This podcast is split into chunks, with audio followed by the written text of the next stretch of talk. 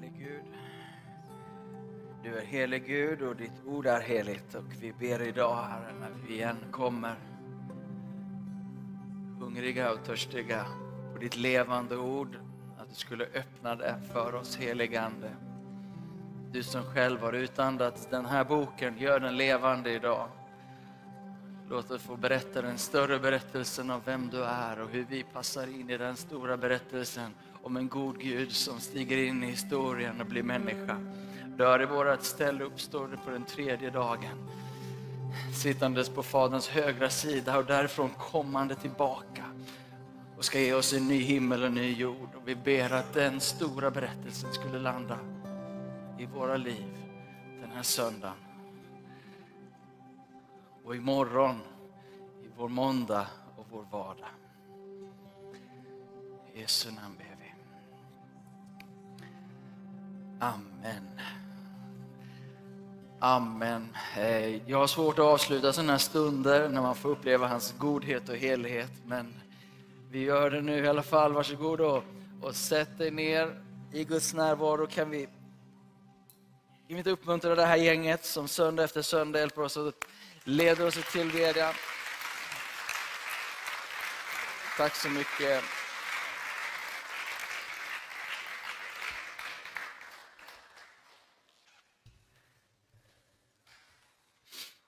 Och eh, Eh, varmt välkomna än en gång till Citykyrkan den här söndagen. Om du är ny här gästandes på besök så är du särskilt, särskilt välkommen. Titta här, tackar. Grymt, bra jobbat grabbar. Ehm, och, eh, jag heter Paul, pastor här i församlingen. Hoppas att du ska känna dig hemma. Ehm, efter gudstjänst så har vi en eh, plats för frågor om du vill koppla ihop med oss eh, hur du hittade in i församlingen. Ehm, och vi vill jättegärna hjälpa dig att få bli del av antingen en mindre smågrupp eller någon verksamhet bara för att lära känna oss och vi får lära känna dig. Ehm, så är du varmt välkommen till det. Annars får du gärna bara sitta här också och förhoppningsvis ha det gött. Ehm, vi är i en serie av predikningar som vi kallar Ny himmel, ny jord.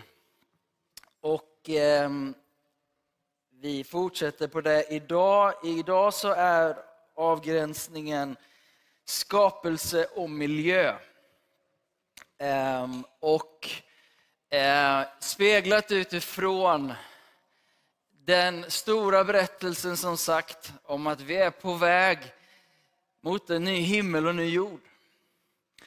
Um, och vi har tidigare eh, pratat och undervisat här på söndagar. Du får gärna gå tillbaka och lyssna på podden eller på Youtube.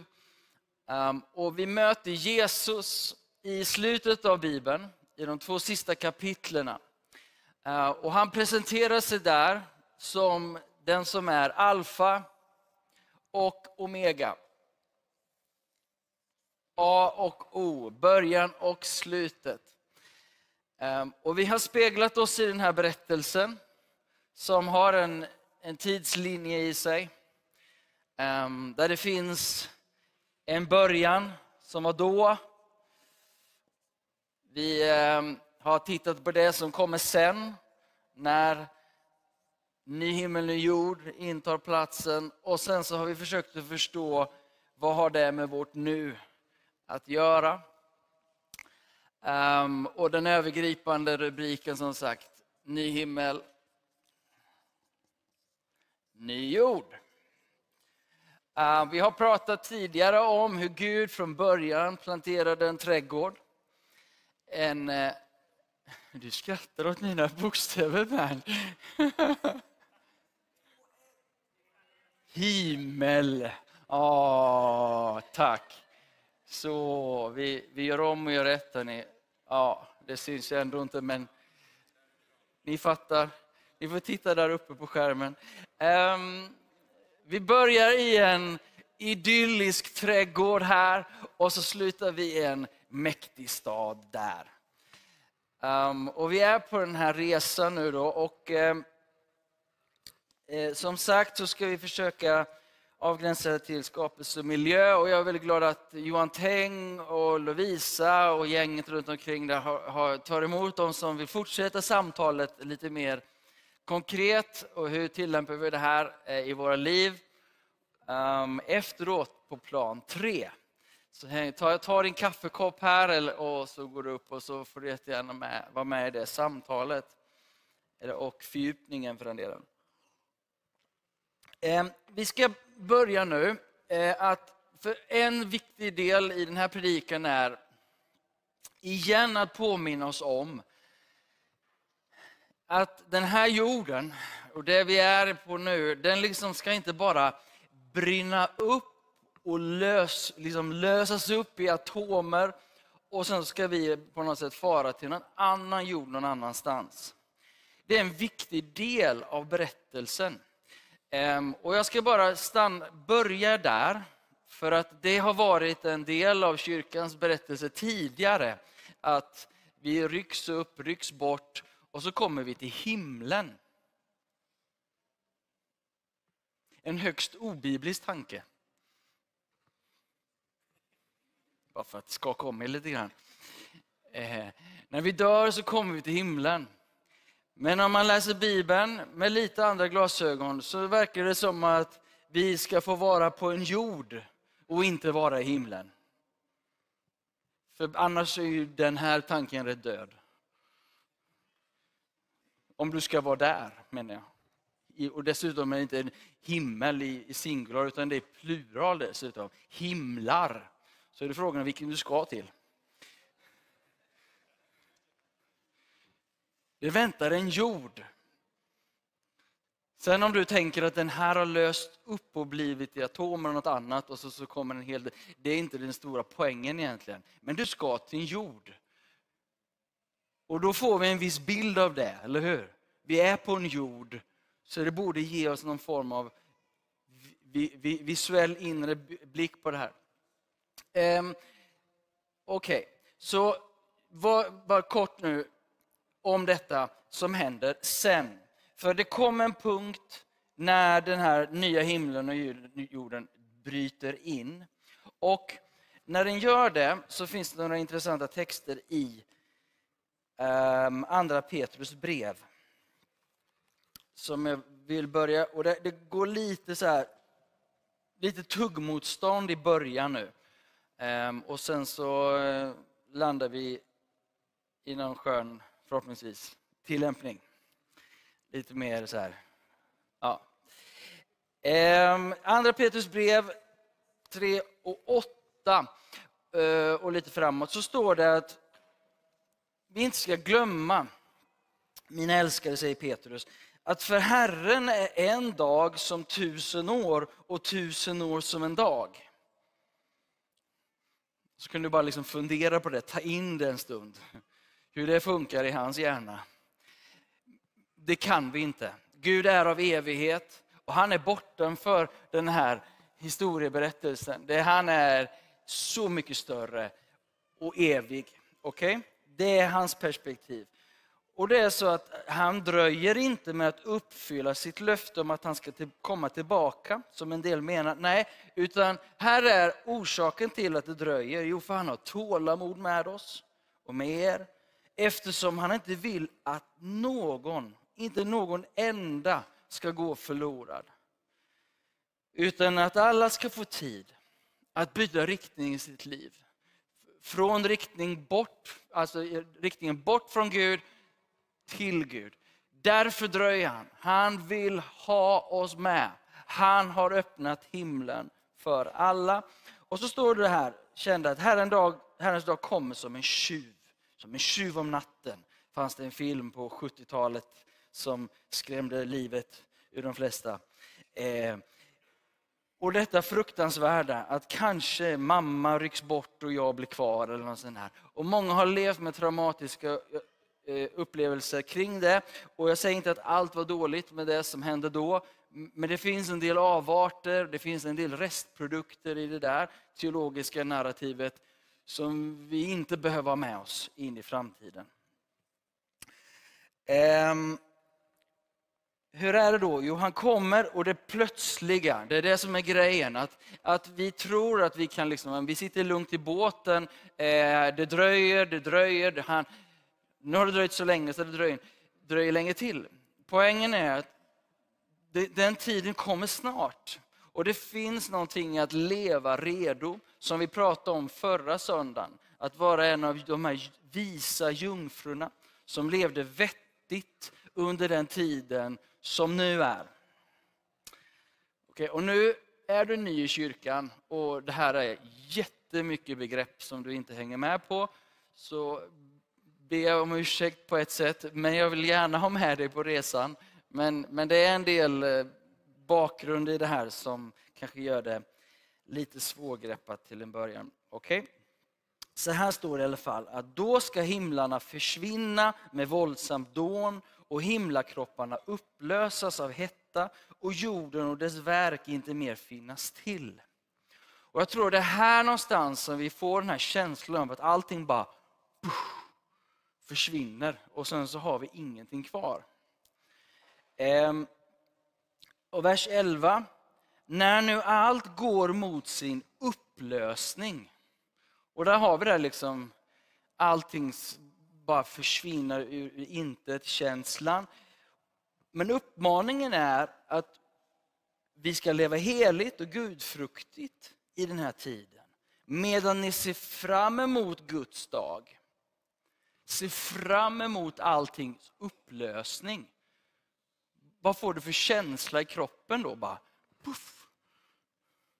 Allting bara försvann och så blir det tyst. Eller vad då? Det kan ju inte vara det vi ser fram emot, poängen. Det måste vara något annat. Det är något annat som författaren och som Bibeln målar för oss. Som vi nu ska försöka få tag på kanske. Um, vi lever med det här framför oss. Vi påskyndar dess ankomst, säger det. Vi ska göra det.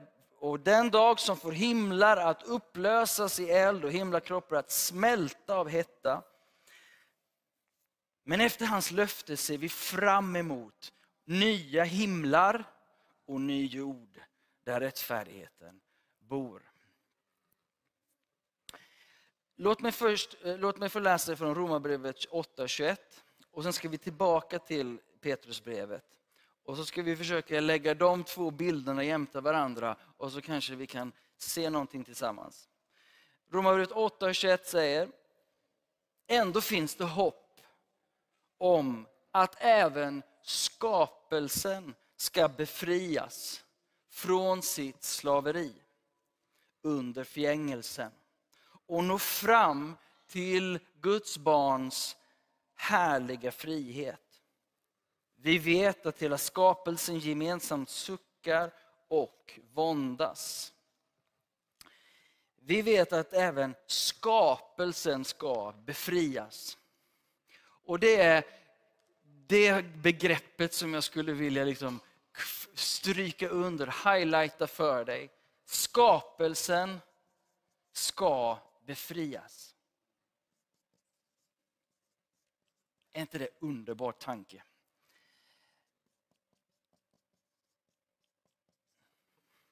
Och lite kort tillbaka till Petrusbrevet.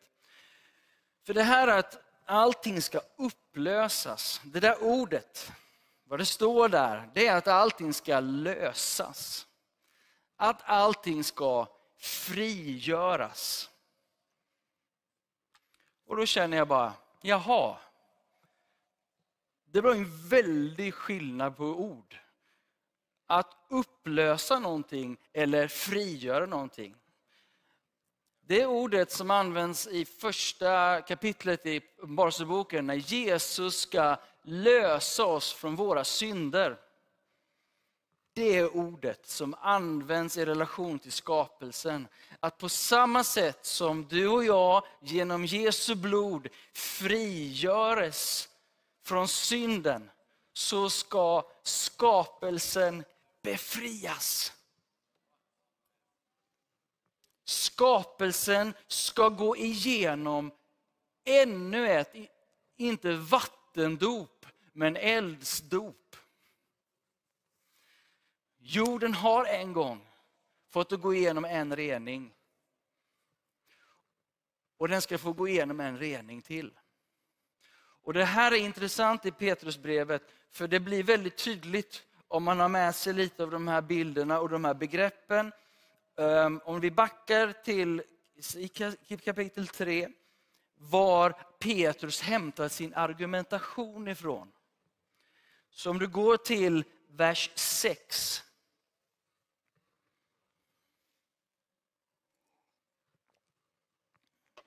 Så står det så här. Genom vatten och Guds ord dränktes den dåtida världen och gick under.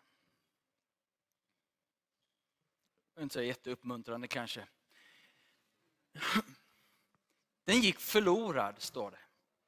På samma sätt som Ty så älskade Gud världen att han utgav sin enfödde son för att var och en som tror på honom inte ska gå under, förlorad, utan ha evigt liv. På samma sätt så dränktes den världen som var, vi ska berätta om varför alldeles strax, men den försvann ju inte. Den blev inte omintetgjord. Är ni med? Så Petrus säger, det fanns vatten som en gång dränkte världen och den gick under. Vilket väldigt starkt ord. Men den försvann inte. Och på samma sätt, om vi går till vers 7. Men de himlar och jord som nu finns har genom samma ord sparats åt eld och bevaras fram till den dag då de gudlösa människorna ska dömas och gå under. Så Petrus använder sin argumentation och säger, det hände någonting då och det kommer att hända någonting sen. Det var någonting som hände då, som vi läste i andra Petrus 3 och 6 där.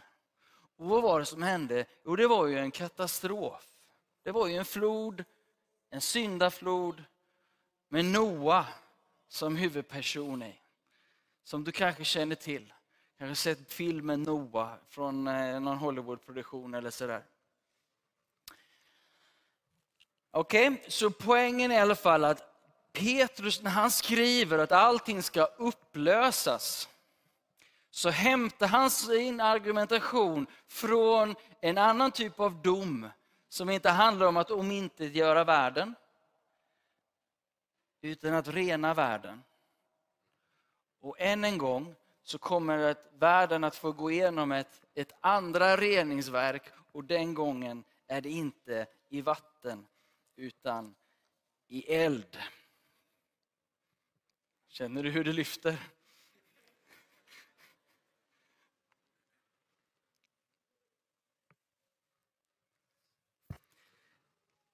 Poängen, slutsatsen blir så här, att vi är inte på väg till en annan jord.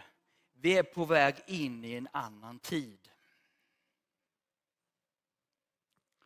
Den jord som väntar kommer vara annorlunda, men den är liksom inte annan, utan det är en annan tid vi går in i. Vi är inte på väg till en annan jord, vi är på väg in i en ny tid. Och när vi pratar om skapelse och miljö så är det här sjukt viktigt. Understryket, understryket, understruket. För att om det är en annan jord någon annanstans, varför bryr sig? Eller hur? Och tyvärr har kyrkan ärvt den mentaliteten. Inte ni här. Inte vi.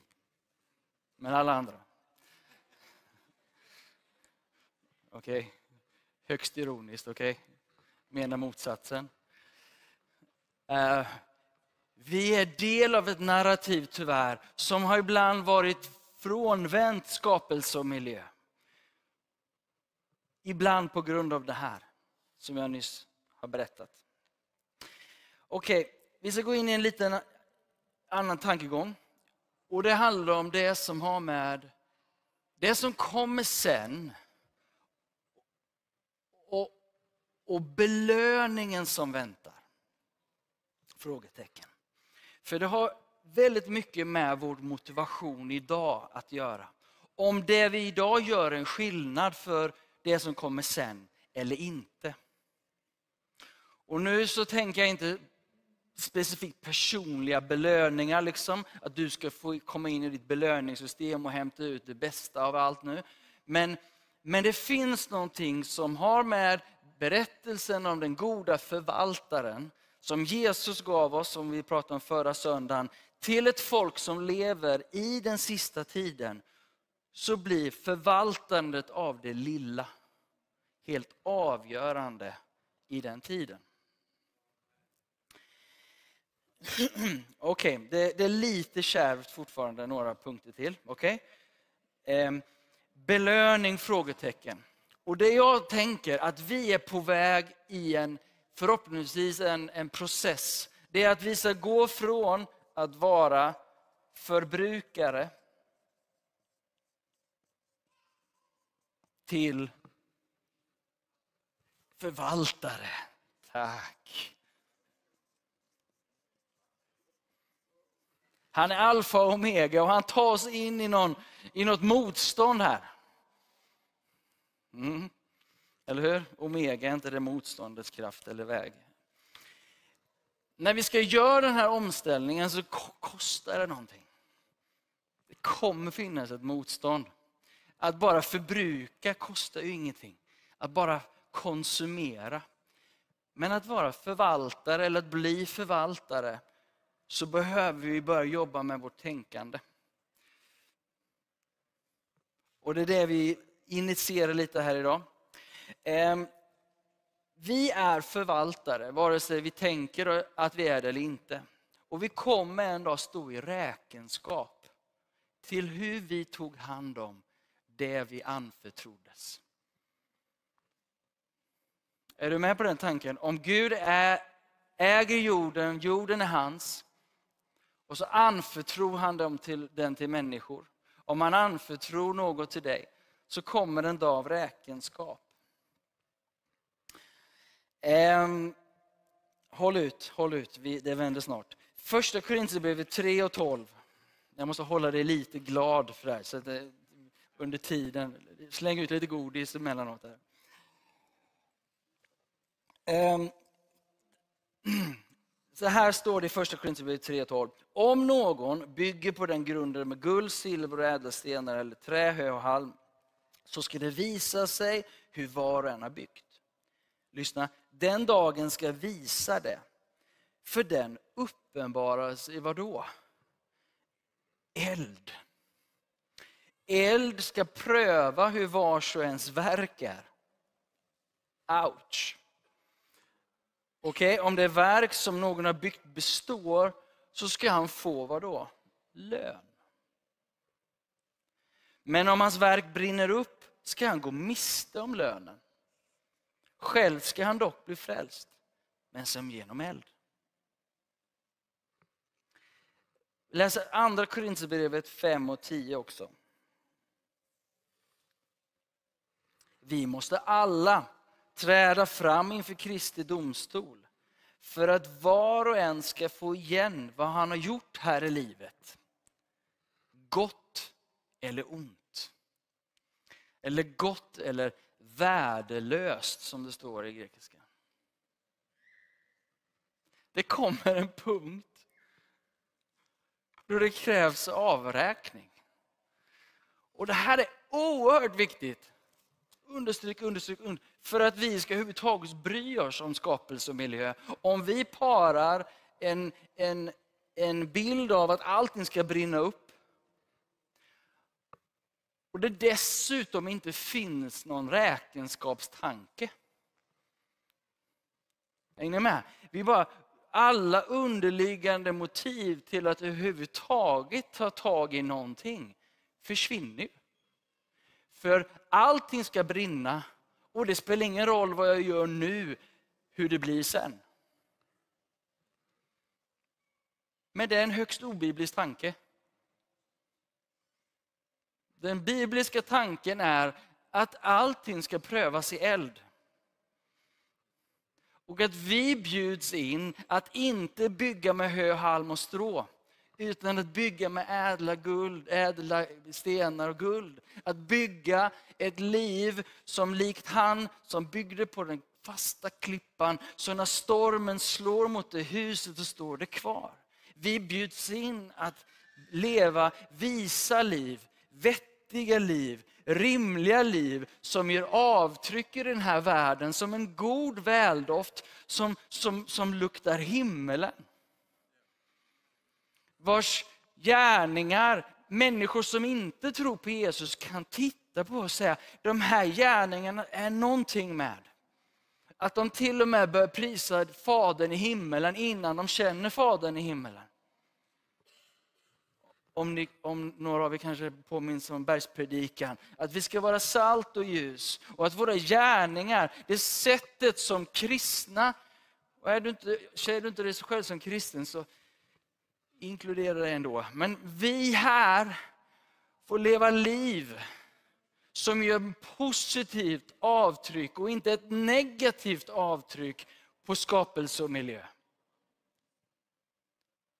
Vi är från början anförtrodda skapelsen att odla och bevara den. Inte bryta ner den och förbruka den. Vårt skapelsemandat är att ta hand om det vackra som Gud har gett oss att ta hand om. Och han kommer pröva hur våra gärningar är i förhållande till det uppdrag han gav oss från början. Och då blir det ju vettigt att säga, hur går det för oss egentligen? Hur går det för oss egentligen? Och nu så ska jag några bilder.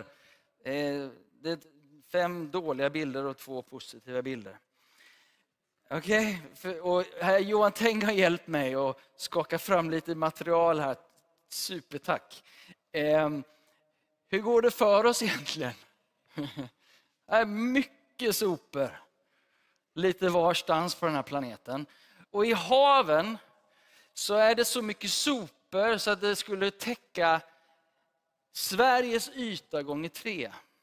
Det har varit mycket så här aria-jämförelser på sistone. Okay? Men vi pratar Sveriges yta gånger tre så är det sopor på, på, på havets yta. Säga, hur går det för oss egentligen? 2000 år senare när Jesus kom, hur går det för oss? Vi är 2,2 miljarder som bekänner oss till kyrkan, åtminstone förhoppningsvis till Jesus. Vi är ju många som skulle kunna göra någonting.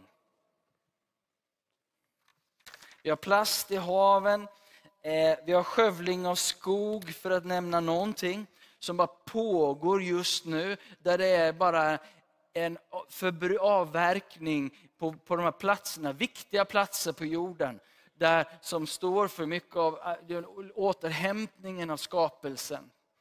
Eh, egna liksom berättelser från Uganda där vi jobbar med Just Earth. Skogen är avverkad. Förstår ni? den platsen var en plats som, som gav mat till Kampala. Det, fanns liksom, det var bördigt. Men så avverkar man skogen, man eh, avvecklar den. Och vad händer då? Ja, då finns det inte träd som håller ihop jorden, det blir erosion. Och vad händer mer? Jo, fukten stannar inte kvar i jorden. Och så har du bara en negativ spiral. Hur går det för oss egentligen? Det är bara ett exempel. Ni vet säkert och hört att vi släpper ut massa växthusgaser, man pratar ofta om det. Vi släpper ut 51 miljarder ton av fossila eh, eh, ämnen som vi då hämtar upp ur jorden och trycker ut i atmosfären. Det, jag tänker att det är inte ett problem att elda upp någonting eller det är inte ett problem att släppa ut lite grann. Men om vi pumpar ut miljarder och miljarder ton på ett sådant sätt så att skapelsen inte kan ta hand om det. Någonstans så bryts, går det åt fel håll. Och den där jämförelsen är då hur temperaturen följer den här eh, utsläppshistorien. Då. Och så finns det olika teorier om det där. Men, men poängen är i alla fall om vi bara fortsätter att släppa upp, släppa upp, släppa upp Det säger sig själv, tänker jag, att det här det blir, blir inte bra till slut. Hur går det för oss som mänsklighet? Det positiva i den här berättelsen eh, är ju att när vi har, nu ska vi se vi hoppar över någon ruta där va. Vi kan säga något om arters utdöd också, om vi backar. Där! Grafen visar hur många olika av de här typerna av djur som dör ut. Och så har ni tidsskalan där nere. Och det är ju så att just nu, jag menar, det följer ju mänsklighetens eh, population. Vi blir fler. Och det var ju tanken från början, att vi skulle bli fler. Men uppdraget från början var att bli fler så att fler kan ta hand om jorden, inte avverka och förbruka jorden. Poängen var ju här borta att det fanns en trädgård och sen skulle de föröka sig och så skulle det bli en trädgård till och en trädgård till. Eller hur? Lägg den under er, säger Herren. Och det betyder, det var ett fint träd. Poängen var ju inte att förstöra jorden, utan att för, förvalta jorden. Ja, jag tror ni fattar poängen. När vi har bestämt oss för att göra någonting positivt, till exempel det här med blyutsläpp och det som tar hål på ozonlagret, så har vi faktiskt gemensamt kunnat förändra utvecklingen. De här två graferna visar på det. Vill du veta mer om det där så prata med Johan Teng. Han kan allt om det där. Nej, Men samtalet pågår. Poängen är med de här bilderna att vi som mänsklighet, nu pratar jag inte om, om, om dig som person enskilt, men oss tillsammans, så har vi en del att ta i. Vi behöver göra en del. Eh, I liknande här, att vi tar tag i, förändrar, så att vår skapelse inte går i negativ riktning utan i en positiv riktning. Okej, okay, nu, kommer nu kommer äntligen det positiva. Nu, nu det jag kanske helst ville säga egentligen. Och det är, det är att vi kan få ta Noa som förebild. Inte Hjärtberg då, utan i Bibeln. Noa är jättefin, så det är inte det. Men han är lång och ståtlig. Ehm. Det som hände här var, var ju att det, det blev ju inte så. Vi gick bort från Gud och gick vår egen väg. Ehm, och då så kommer vi in i Noa-berättelsen och då står det om Noa och hans dagar så här. Nu är i första Mosebok 6 och 5. Orkar ni en stund till? Tack, några på första raden här. Pepp, det är bra. Um, och Herren såg att människornas ondska var stor på jorden och att deras hjärtans alla tankar och avsikter ständigt var alltigenom onda. Då sörjde Herren att han hade gjort människorna på jorden och han var bedrövad i sitt hjärta. Det är det här som föregår syndafloden. Mänskligheten, alla, går runt och planerar ont. Men så i det så finns det någon. Det finns en Noa. Tack Jesus för Noa. Om du tänker efter. Vi är väldigt glada att Noa var där som var en rättfärdig man. Fullkomlig bland sina samtida. Och det står att han vandrade med Gud. Och det är det här jag tror jag är inbjudan idag. De som vill vara som Noa. Att få vandra med Gud i en tid när det kanske går åt fel håll, när, när, när skapelsen är på väg åt helt fel håll. Men tack gode Gud för Noa. Han var rättfärdig och han vandrade med Herren. Och det står i kapitel 6 vers 22 att Noa gjorde som Gud sa. Han gjorde allt som Gud hade förbalt, för, eh, befallt honom. Så han finner Noa mitt i kaoset. Och det jag tycker är intressant, där, där för mig berättelsen går ihop, det är att Jesus säger att så, nu är vi i Matteus 24-25, kapitlen där om ändetiden. Så som det var i Noas dagar, så ska det vara när Människosonen kommer tillbaka. Och jag tänker att om det finns någonting som kopplar ihop berättelserna här, så är det här högst intressant i alla fall, för mig. Att Noa och det som Noa gör har någonting med det vi är inbjudna att göra i den här tiden. För om det var så som det var i Noas dagar, då tänker jag att Gud behöver Noa idag också. Om situationen är liknande nu som den var då, och att vi är på väg in i någonting. Och när Bibeln beskriver det vi är på väg i, in i, då hämtas bilderna från hur det var med Noa. Det är någonting med Noa. Och då blir jag nyfiken, vad är det med Noa?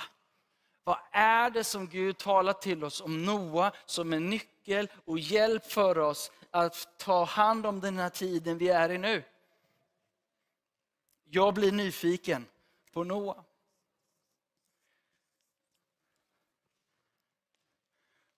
Och sen så när man börjar ställa frågor till texten och namnen i Bibeln, så finns det oftast vissa inbjudningar, vissa antydningar. Är det någon som vet vad Noa betyder? Vet du vad ditt namn betyder? Kunglig.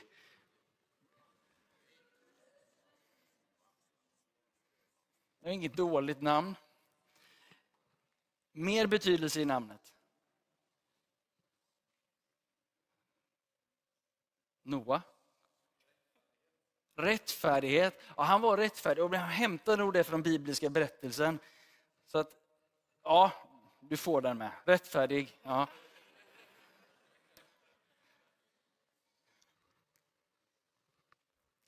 Kom igen nu. Det är så bra. Det betyder vila. Och det betyder omsorg.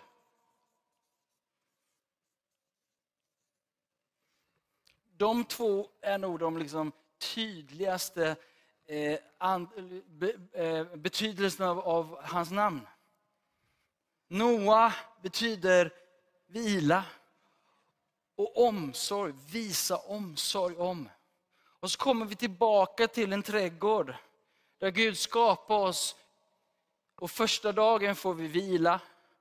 Och sen ska vi gå ut och odla och ta hand om skapelsen och visa omsorg. Och så har vi en man som dyker upp mitt i en kaostid. Och vad gör han? Jo, han, han bygger en båt och han bjuder in sin familj och han bjuder in djuren. Precis så som det var sagt från början. Vad står det när Gud skapar människan? Så står det någonting, han sa att Gud välsignade dem, han sa till dem, var fruktsamma, föröka er, uppfyll jorden, lägg den under er, råd över havets fiskar, himlens fåglar och alla djur som rör sig på jorden.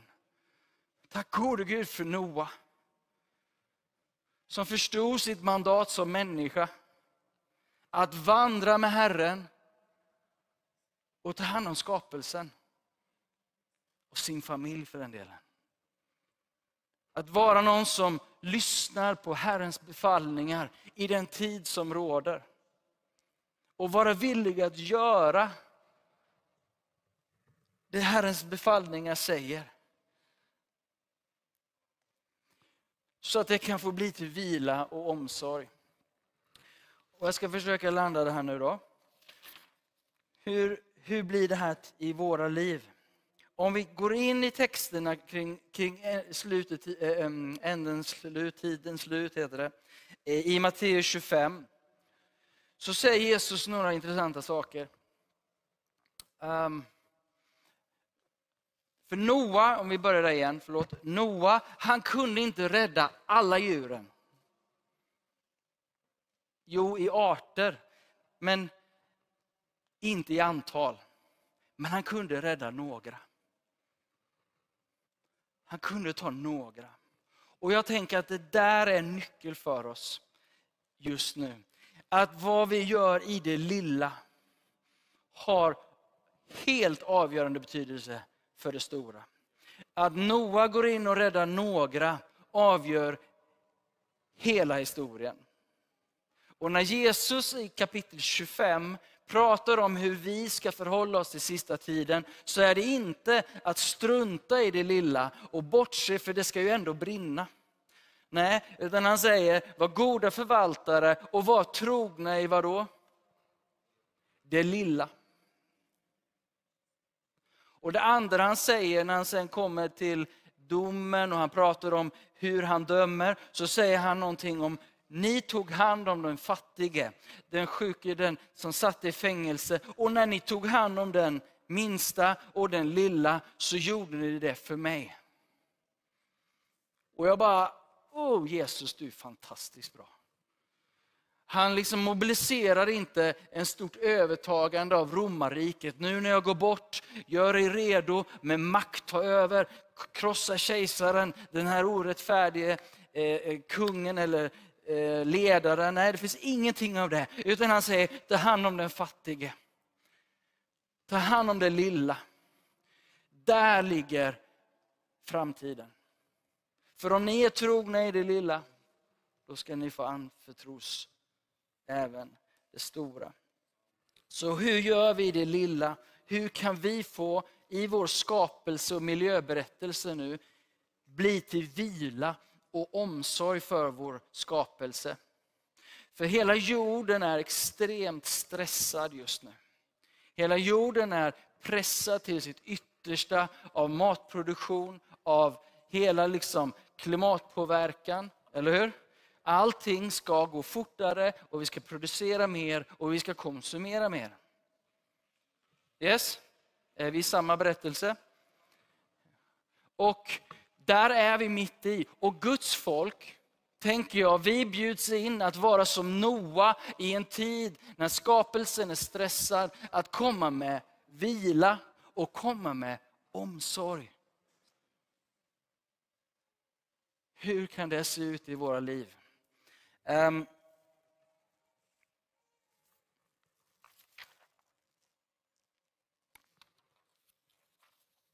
vila. När Gud instruerar Israels folk hur de skulle ta hand om skapelsen och om jorden. Någon kanske minns det här. Men var sjunde år så skulle man låta marken vila.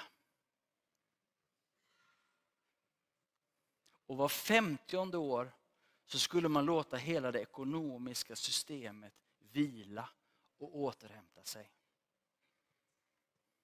Vi har ackumulerad stress i vår skapelse och i våra system. Och vi känner det i våra egna kroppar. Och vi kan se det i den psykiska ohälsan. Det är någonting som inte stämmer. Och Gud bjuder in oss att få vara Noa. Att vandra i vila och ge vila och omsorg. När ni, om ni som vill gå upp och hänga på Johan sen, ni kommer att titta på det här. Fem områden där vi i det lilla kan ta små steg. Man har valt fem B. Det är bilen, det är biffen, det är börsen, det är butiken och det är bostaden. Snyggt va? Hey, bilen! Det är ju asjobbigt att ställa om till elbil. Vi insåg att vi kunde köpa elbil när vi insåg att det kostar lika mycket att ha en ny elbil som att ha en gammal begagnad bil. När jag gjorde min kalkyl i alla fall. Det kanske var en jätteglädjekalkyl. Men, men om jag nu med, med dieselpriset i, i, i hamn så är det verkligen så. Ish. Poängen är i alla fall att ställa om till elbil och gå från att hälla i soppa i och tanka, det är en omställning. Och vad jag har stått där ute och frysit när det inte har funkat någon gång. Jag har inte riktigt knäckt, nu, nu fattar jag hur det funkar. Omställningen, är vi beredda att göra små omställningar? Jag vet inte hur du transporterar dig, jag vet inte om det får kosta någonting, eller hur vi ska hantera den frågan som kristna, som är goda förvaltare och erbjuder vila åt skapelsen. Biffen, jag är inte beredd att släppa biffen. Okay? Men det är ändå så att hela köttindustrin och hela den grejen, den nöter på naturen. Ehm, och jag tänker på hela grejen med närproducerat, exempelvis och nu när det är krig så bara önskar man att tänk om vi hade haft kvar lantbruken. Tänk om vi hade odlat mer, haft mer egen jordbruk. Tänk om vi kristna, kristna som får igen en vision och passion och kallelse till att vara närproducerande jordbrukare, vad vet jag. I butiken, jag vet inte hur det orienterar i din, i din butik eller vad du köper och hur mycket vi köper. Men någonstans så måste vi börja ställa oss de här frågorna, våran överkonsumtion. Vad är det för dåligt mående vi mättar eller vad är det för liksom kompensation? Det känns så gött att stå här en söndag och säga det här. Börsen, våra kapital, styr, kan det styras om? Finns det överhuvudtaget en, ett intresse att styra kapital mot det som faktiskt bygger vår framtid?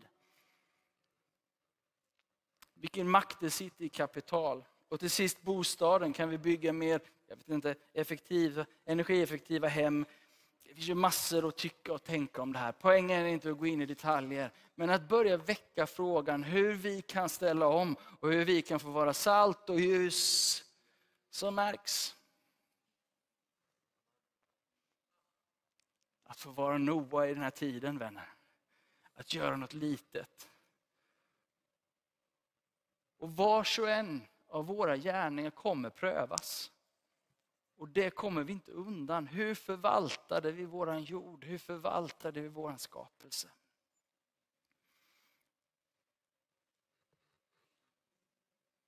Ska vi stå upp tillsammans?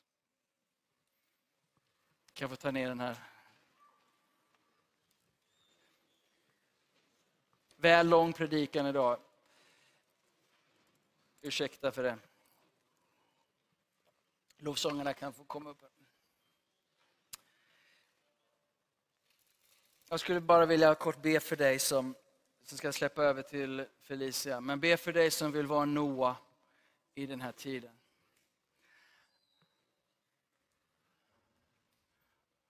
Och Noa han sprang inte omkring och bara gjorde allt möjligt. Utan han gjorde något precis som Gud levde, ledde honom till. Jag tror att den helige Ande kan leda oss, var och en. Så om du vill vara Noa den här tiden så kan du få sträcka dina händer framför dig eller någonting. Som ett tecken på att ja, men jag, jag vill ta emot Guds instruktioner, vägledning och hjälp